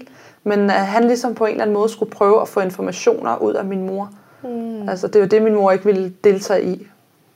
Øhm, og jeg så dernede og tænker, altså, hvad fanden gør man? Øhm, og min mor er jo fantastisk og hjælper mig med at passe min søn, når vi var oppe og købe nyt tøj, fordi så havde jeg da noget tøj og et par rene underbukser til mig selv og en tandbørste. Mm. Øhm, og, og, og ved at finde ud af, hvad fanden skal der ske. Og så øh, går jeg, det er jo så dag nummer to, kan man sige, så går jeg jo så i seng og har svært ved at finde ro og det ene og det andet. Og bliver lige pludselig vækket af en hel masse opkald udefra af bekendte og tidligere arbejdskolleger, der ringer og siger, hvor er du henne? Øh, jeg er hos min mor. Hvorfor? Du er blevet efterlyst i den by, hvor jeg boede i. Mm. Som at du har bortført dit barn. Ah, Siger, ja. det forstår jeg ikke. Af hvem? Jamen af din partner. Som han ved godt, hvor jeg er. Jamen det var det, der, altså, det, var det folk ligesom havde lugtet, der kendte mig. Øhm, så på det tidspunkt, der har han jo udstillet mig i et fælles forum, hvor der er 20.000 øh, tilknyttet, om at jeg har taget vores søn fra dagplejen og, og er stukket af og bortført vores søn. Øhm, ja. Og der kan jeg mærke lige pludselig går jeg i panik. Og klokken er jo altså halv to om natten. Mm. Øhm, og jeg aner hverken, hvad, altså, hvad, altså, hvad gør man? Altså, står han der lige om lidt? Altså, er, han kørt? Fordi han, hvis han kan stå og vifte med knive og gemme knive og alt muligt mærkeligt, og tæske sin far, altså, kan han så også finde på at opsøge mig? Mm. Øhm, og ringer så til politiet for ligesom at høre, altså, hvad gør jeg? Og møder en meget venlig politimand, som, som også siger, at altså, chancerne er minimale, siger han. Øhm, hvad skal man sige? Og, og det er de også rationelt. Men lige nu er jeg så bange i min irrationelle tankegang, at jeg tænker, hvad nu, hvis jeg er den ene procent, som bliver slået ihjel af min partner? Mm. Hvad nu, hvis han vælger at køre de her 200 km? Han ved jo, hvor jeg er. Min mor siger mig ikke en rockerborg, man ikke kan komme ind i. Altså, det er helt almindelig parcelhus, villa. Øhm, mm. Og han ved jo, hvor alle indgange er i huset, så han ville jo kunne komme ind med det samme, hvis der var. Hvad fanden gør jeg? Og politiet siger jo som, de har jo så lavet en journal, at jeg har ringet. Og hvis, øh, hvis jeg kan se, at han er derude eller får tegn, så skal jeg bare ringe, så er de der med det samme. Og de kan komme inden for noget, der ligner 12 minutter. Og jeg siger, at det er ikke nok. Altså det tager 20 sekunder at slå et menneske ihjel med en kniv. Mm. Så det, det, det kan jeg simpelthen ikke. Hvor, hvor han jo så siger til mig, hvis du er så bange, som jeg jo kan høre, du er, øh, så skal du opsøge et krisecenter. Øh, så siger, det, altså jeg skal bare lige fikse det jeg skal ikke på et krisecenter, jeg skal bare fikse min verden, og, og så er det det. Mm. Hvor han så siger, at det er ikke fordi, at du skal have altså beskyttelse, fordi jeg kan jo godt høre, altså, at du er jo hos din mor, og der er nogen omkring dig, der nok skal passe på dig, og jeg fortæller jo også, at politiet skal nok komme, og jeg har lavet en journal. Men for at du kan blive et normalt menneske på den anden side, og for din søns skyld, og for at du simpelthen rent mentalt skal overleve det her, så skal du kontakte krisecenter åh, oh, shit mand, tænker jeg. Nå, så, så må jeg jo hellere ringe til dem øhm, og høre, hvad det er. Jeg kan i hvert fald lige snakke med dem og høre, hvordan en skilsmisse, hvordan er det nu, og er det 7-7-ordning, vi skal ud i, og mm. han kan jo ikke engang tage vare på sig selv. Hvordan kan han så tage vare på, på vores fælles barn? Øh, mm. Og man kunne i hvert fald lige ringe og snakke med dem dagen efter. Så jeg ringede så dagen efter og fortalte dem, hvordan og hvorledes, så havde jeg egentlig bare lige brug for lige en sludder for en slag, eller hvad man skal sige, hvor de så siger, du, du skal flytte ind. Altså, vi kan jo ikke tvinge dig til noget, men du bliver nødt til at flytte ind. Mm. Sådan, jamen, jeg skal bare lige, skal bare lige snakke med jer, og så skal jeg også bare arbejde her om to dage. Mm-hmm. Det passer ikke lige helt ind i min kalender her. Øhm, hvor de siger, prøv lige, prøv lige at komme op, og så snakker vi sammen.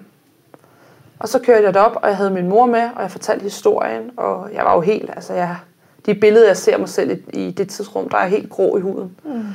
Øhm, og jeg kan se på de billeder, jeg ser mig selv, at altså, jeg decideret har det rigtig, rigtig dårligt. Mm. Og sidder deroppe og snakker med dem, og de siger jo så også, øh, vi har klargjort et værelse til dig og din søn. Det går nok et lille værelse på cirka, jeg tror det er 8 kvadratmeter. Øh, men fordi min søn er så lille, så kan det godt lade sig gøre at have en, en lille seng ind til ham og en til mig. Og vi vil rigtig gerne have, at du flytter ind. Hvor jeg sådan, jamen, altså, så slemt er det jo ikke.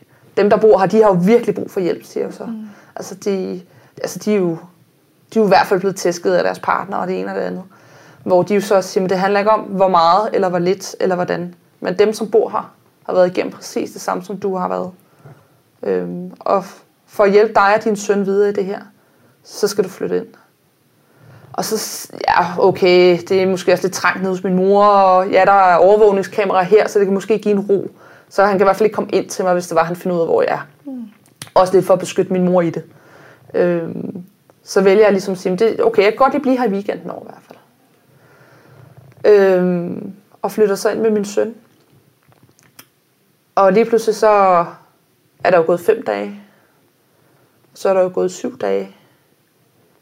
Og lige pludselig er der jo gået 14 dage, hvor jeg så nu bor på krisecenteret. Mm. Øhm, og finder lige så langsomt ud af på krisecenteret, at det jeg er blevet udsat for, øhm, er lige så værst som alle de andre. Ved at man hører de andres historier og får at vide. Øhm, og man kan sige, at det, jeg har fortalt om i dag, er alligevel jo kun en toppen af isbjerget af, hvad der også er sket i det jo. Men det der med ligesom lige pludselig, at der sidder en, en over for dig og kan fortælle de præcis samme historier, mm. som du har været, og du ved, at den person er blevet udsat for vold, det er ligesom en forståelse en af... forståelse, du... Ja, netop. Ja.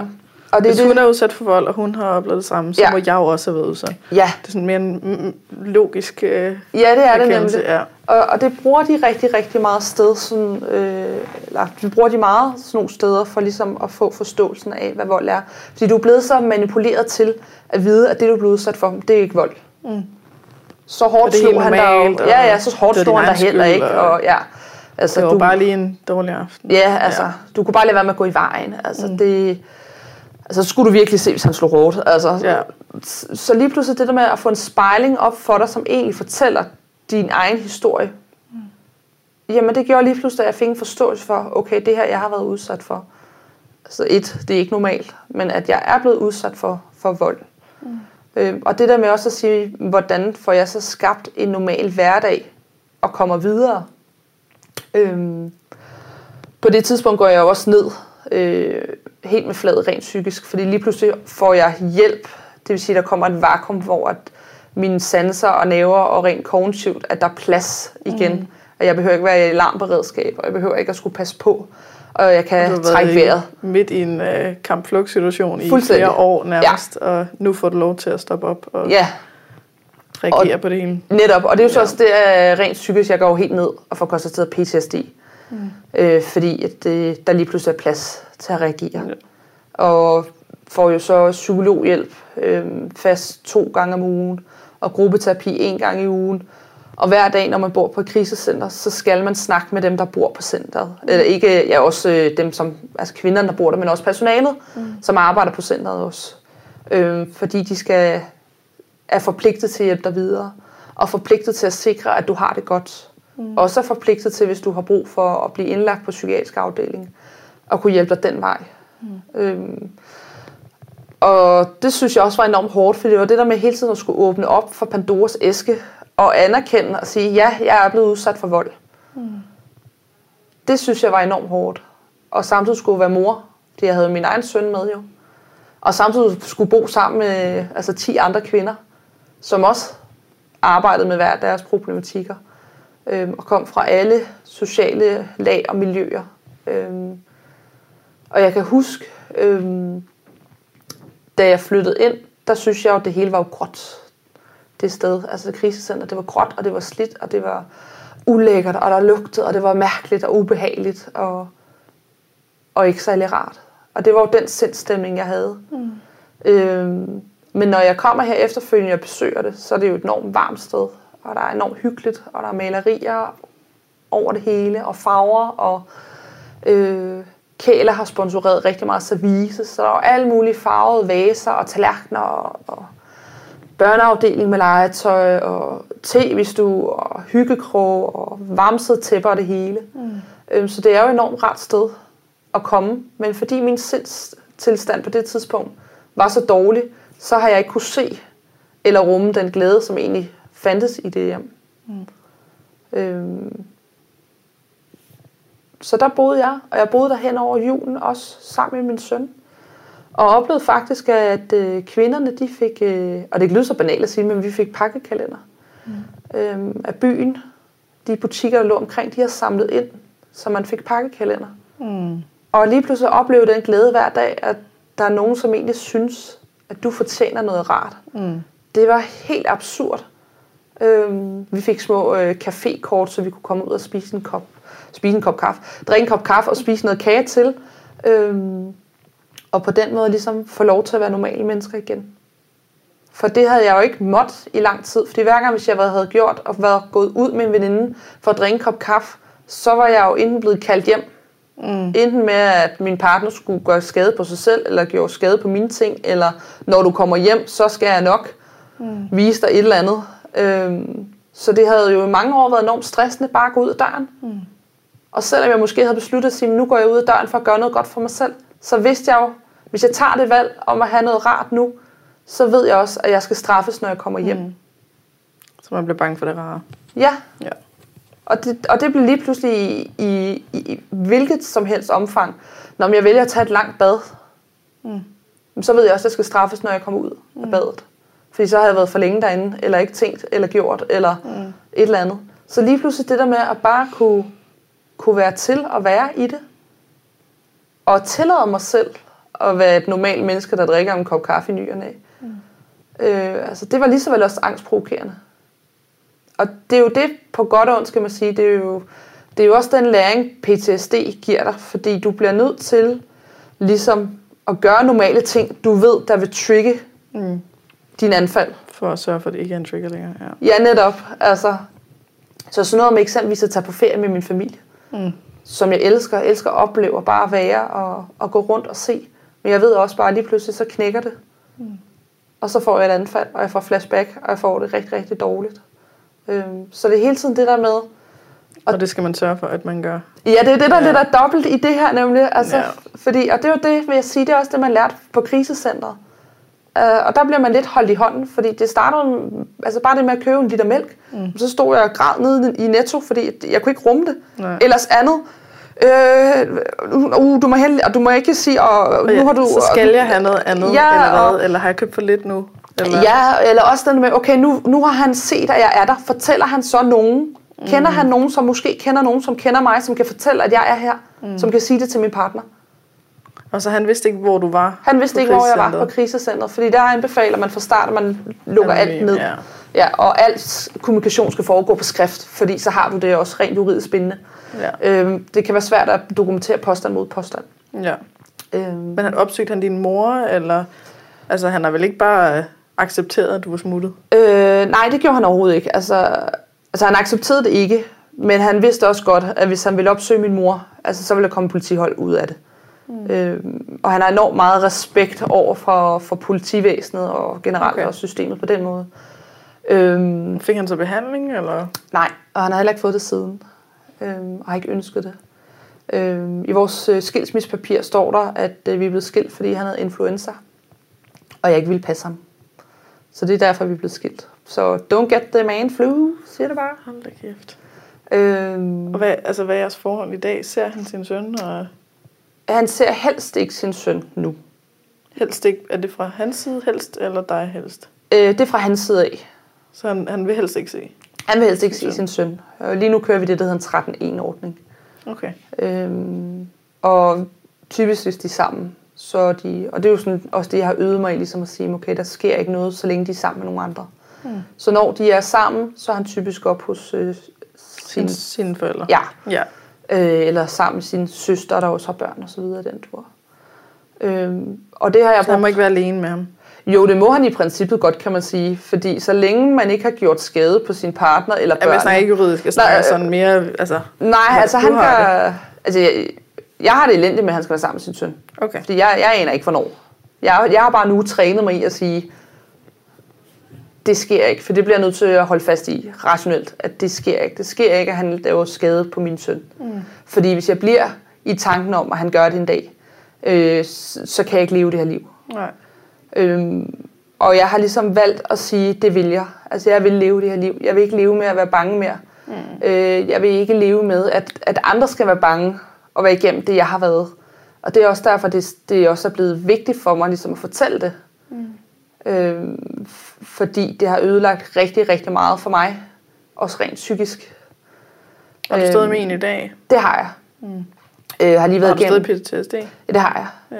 Ja. Øh, har, har lige, selvom det, altså, det er jo tre år siden, at jeg flyttede på krisecentret, kan man sige. Ikke også? Mm. Så selvom at jeg er så velbehandlet, som jeg er, så har jeg stadig tilbagefald. Okay. Øh, havde et her for to dage siden, som jeg stadig sådan, det, har lige lidt efter ved af det, eller hvad man skal kalde det. Øh, så, så Er det har flashbacks, eller er det angstanfald, eller er det... Det er det hele, der kommer på Det en det gang. Det, det, er, altså det er mit flashback, og det, nu har jeg jo en helt fantastisk rummelig kæreste, og, og selvom vi har været sammen ja, halvanden, to år nu, vi har ikke skændtes på noget tidspunkt. Han ved godt, hvad jeg har været igennem. Han ved godt, at jeg har PTSD. Øhm, Så hvis du får et anfald, så kan han godt tage sig af det? Eller? Ja, ja, det kan han nemlig. Ikke at han skal løse min anfald, men han kan ligesom rumme og sige, okay, det er der, vi er lige nu. Mm. Så skal vi ikke Giv dig alt muligt plads. andet, og så skal jeg ikke spørge dig om alt muligt. Nej. Så, så skal vi bare være. Mm. Og, og hvis jeg sådan går lidt rundt om mig selv, og ikke kan finde ro, jamen, så lader han mig gøre det, i stedet for at, at, at komme med nogle kommentarer, eller du kunne også gøre sådan Eller her. gode eller, ja. ja, netop. Altså fordi, fordi det er jo lidt det med PTSD, kan man sige, at man skal også passe på, at man ikke giver det til en anden og sige, fix mig. Ja. Øh, fordi det skal han ikke. Øh, jeg skal fikse mig selv. Han skal støtte dig i at fikse dig selv. Ja, netop. Og, og det er han enormt god til. Øhm, og enormt kærlig i det også. Ja. Øhm, og som han også siger, det er jo heller ikke rart at se, for han kan jo se, hvor, hvor presset jeg bliver i det jo, fordi jeg reagerer jo også fysisk. Øh, mm. sveder enormt meget, øh, flakker i blikket, øh, stammer, øh, alle de her ting kommer igen. Mm. Øh, kan ikke træffe valg, øh, alle de ting. Kan ikke sove, altså går, går rundt om mig selv om natten. Øh, som han siger, det, det kan nok være mest stressende for ham, kan man sige. Men Ja. han har ligesom også øh, eller vi har valgt at, at sige, at når han kan mærke, at jeg går rundt, så skal han prioritere at få søvn. Ja. Sådan så han også skal Ja, netop. have overskud dagen efter til at hjælpe. Ja, netop. Ja. Øh, fordi lige pludselig så, når alle de her stresshormoner forsvinder ud af min krop, og, og den tager den tid, det gør, mm. Så bliver jeg træt. Så bliver jeg sindssygt træt. Ja. Og hvis Og han er træt... han ikke også være træt. Nej, netop. Hvis han er Nej, træt, er og jeg er træt... klassiske. Øh, Ej, lad os lide sammen og ikke sove begge to. Ja. Nej, nej, nej, nej. Og vi skal jo også være forældre over for min, min søn jo. Ja. Øhm, så jeg har brug for, at når jeg har det skidt, at der i hvert fald er en god forælder i det. Ja. Øhm, og så det blev jo lige pludselig Han, hans så han er sådan en slags far for din Jamen, det, han, er, han er far, og min okay. søn kalder ham også øh, far en gang imellem. Han ved godt, hvem der er hans rigtige far. Mm. Han ved også godt, at det ikke er min biologiske far, men han prøver lige lidt en gang imellem. Ja. Og han sagde også før, at, mig og min partner overhovedet noget at sige til, til hinanden, at vi elskede hinanden, så havde min søn jo allerede der erklæret sin store kærlighed. At han elskede Nej, hvor godt. ja, min kæreste, og, og det var bare, altså... Selvom det ikke er en happy ending på den her måde, men så er det jo stadig, at du, du har været igennem en hel masse lort, og har klaret det, Mm, og lever faktisk et øh, nogenlunde normalt, meningsfuldt liv i dag, ja, med en familie og dit barn, og der nåede ikke at ske, altså sådan noget, øh, det der helt slemme med, at han slår nogen ihjel, eller nemlig. Og det tror jeg nok også, at, at den har vigtigste... skade, men- ja, det har ja. han jo på, sin vis, øh, men ikke sådan Det det der. helt fysisk skade, eller hvad man skal sige. Ja. Øhm, og det tror jeg også, det ligesom er blevet min vigtigste pointe øh, med at sige, jamen hvis ikke, at jeg havde gjort det, så tror jeg simpelthen ikke, jeg var overlevet. Mm. Hvis ikke jeg var taget afsted på krisecentret, så tror jeg simpelthen ikke, øh, at jeg psykisk var overlevet det her. Mm. Øhm, og jeg tror simpelthen ikke, jeg var kommet igennem det. Og det er også det, mange statistikkerne peger på, men det, det er så typisk, at man ender med at blive selvmedicinerende efter sådan en situation, enten med alkohol eller piller eller et eller, Eller andet. mad, yes. Eller mad, kunne det eksempelvis også være. Ikke også? Øhm, så, så det er jo også netop med ligesom at sige det her med, at det er vigtigt, at man får den her hjælp, uanset mm. hvor hårdt det er. Øh, hvis der jeg mumler enormt meget nu, så er det fordi min hjerne har været så meget på overarbejde, den sådan krydser ind over hinanden, Det så det kan godt være, det lyder lidt mærkeligt. Øhm, og, og jeg, absolut, jeg skylder og det er jo ikke kun, altså der er jo ikke kun kvinder på et krisecenter, der er også et, altså dem, der er udsat for vold, der findes også mandekrisecenter. Øhm, der er også rigtig mange mænd, som hjælper på krisecentrene. Mm. Man vælger lidt at træde, trække mændene lidt ud af det, fordi at mange kvinder, når man står i situationen, Så hvis, er de blevet bange for mænd. Ja, og det var også det, jeg oplevede. Hvis der kom en venlig mand, som ikke anede, hvad, altså hvis jeg skulle ind i et tog og stod med kla- klapvognen, og det bøvlede, der var en mand, der spurgte, skal jeg ikke lige hjælpe dig med den der? Så mit hoved med Nej. det samme. Du skal ikke hjælpe mig, fordi Ja. så, så banker du mig lige om lidt. Mm. Altså det var, mand er lige med vold. Og, Ja. og rationelt, så havde jeg det også sådan lidt, hvor synes jeg, det er frygteligt. Så han har Ja. ikke gjort noget andet end bare at spørge, om han skal hjælpe mig Ja. med en klapvogn. Altså det, det synes jeg var enormt frygteligt i det her også, at være blevet så bange for mænd. Og også det der med at vide, okay, min søn, godt nok om mange år, han vokser op og bliver en mand, og jeg Ja. håber da, altså min... Jeg håber, du ikke bliver bange for ham. Øh, Ja, altså ja. det er jo også lidt det. Altså, øhm, og jeg vil sige, at jeg, jeg skylder virkelig de kvinder nede på krisecentret, som har hjulpet mig videre enormt meget. Altså de er enormt Og de vidste lige, hvordan de skulle håndtere dig. fuldstændig. Okay, bare lige, bare lige komme ned til en snak. Altså, vi, vi snakker bare lidt. Vi skal Ja, ikke ja. alt muligt. Nej, Ah, jeg skal- Nå, mens du er her, altså vi har lige, vi har Ja. værelse, du kan bare lige sove en enkelt nat. Ja, ja. Nå, ej, men okay, så Ja. bare lige en enkelt nat Skal mere. være mælk i kaften? Altså Ja. ja. ikke noget... Øh... Vi tager det bare stille og Ja, ja, roligt. ja. Det... Ja, hvis Nå. de havde sagt, Det du skal, skal ind, du. og du skal bo her, og du skal også være Ja. her julen over og sådan noget, så havde du så havde bare... bakket med det samme. Ja. Det havde jeg absolut. Altså, det er slet ikke nogen tvivl om. Nej. Altså, og de gjorde også det undervejs, netop hvis de kunne mærke... øh, Altså, det er jo naturligt, når børn jo flytter med ind på krisecenter, så vil der jo opstå nogle konflikter også. Mm. Fordi man er jo presset som mor i det, og børnene bliver jo også presset og skal prøve grænserne af. Ja. Så hvis de ligesom kunne mærke, at okay, lige nu er, er vi presset, jamen, inden så tilbyder de dem, skal jeg ikke lige... Tag du lige en kop kaffe, så, jeg, så spiller jeg lige lidt med, med junior der, ja. eller... Jamen, jeg kommer lige forbi senere. Øhm, de gjorde meget ud af det her med også at komme ud og bevæge sig. Fordi at øh, det er enormt stressophobende at Ja. være. Også bare det at bo sammen, fremmede kvinder. Mm. Så det der med at komme ud og få gang i kroppen, det giver en helt anden ro. Øhm, Ja. ja. Og se naturen, som den nu er, øhm, det giver også en helt anden ro i kroppen. Ja. Og de gør meget ud af, at øh, man selvfølgelig gerne må sige nej til de tilbud, der er i løbet af dagen. Mm. Men øh, det er en kærlig opfordring, mm. at man deltager.